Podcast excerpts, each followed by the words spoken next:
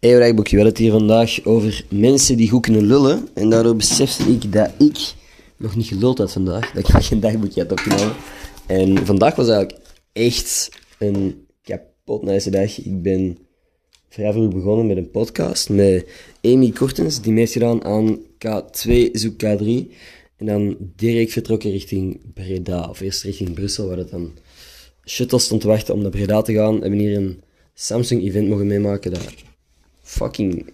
Ik heb nog nooit op zo'n vette locatie aanwezig mogen zijn bijna. Dat was in een oude verlaten gevangenis. Dat ze een soort feestzaal hadden gebouwd.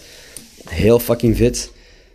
Ehm, ja, tof, tof gezelschap ook. Het was echt een combinatie van mensen dat ik niet snel had verwacht, maar het was echt fijn. Ik denk juist dat soms de avonden met zo'n nieuwe groepen kapot nice, eh, kapot hard kunnen meevallen.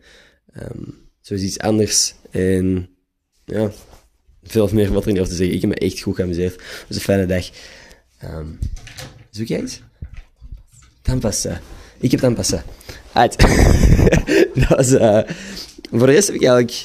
Dat was eigenlijk echt de samenvatting van vandaag. Ik heb heel wat content gemaakt die ik waarschijnlijk binnenkort wel ga posten. Ik ga ook wel wat meer vlogs terug beginnen posten. Ik heb het gevoel dat ik dat...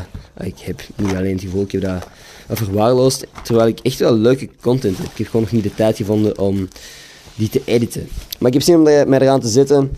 Dus ik denk dat ik volgende week een vlog ga posten. Dat zit. Te mooie.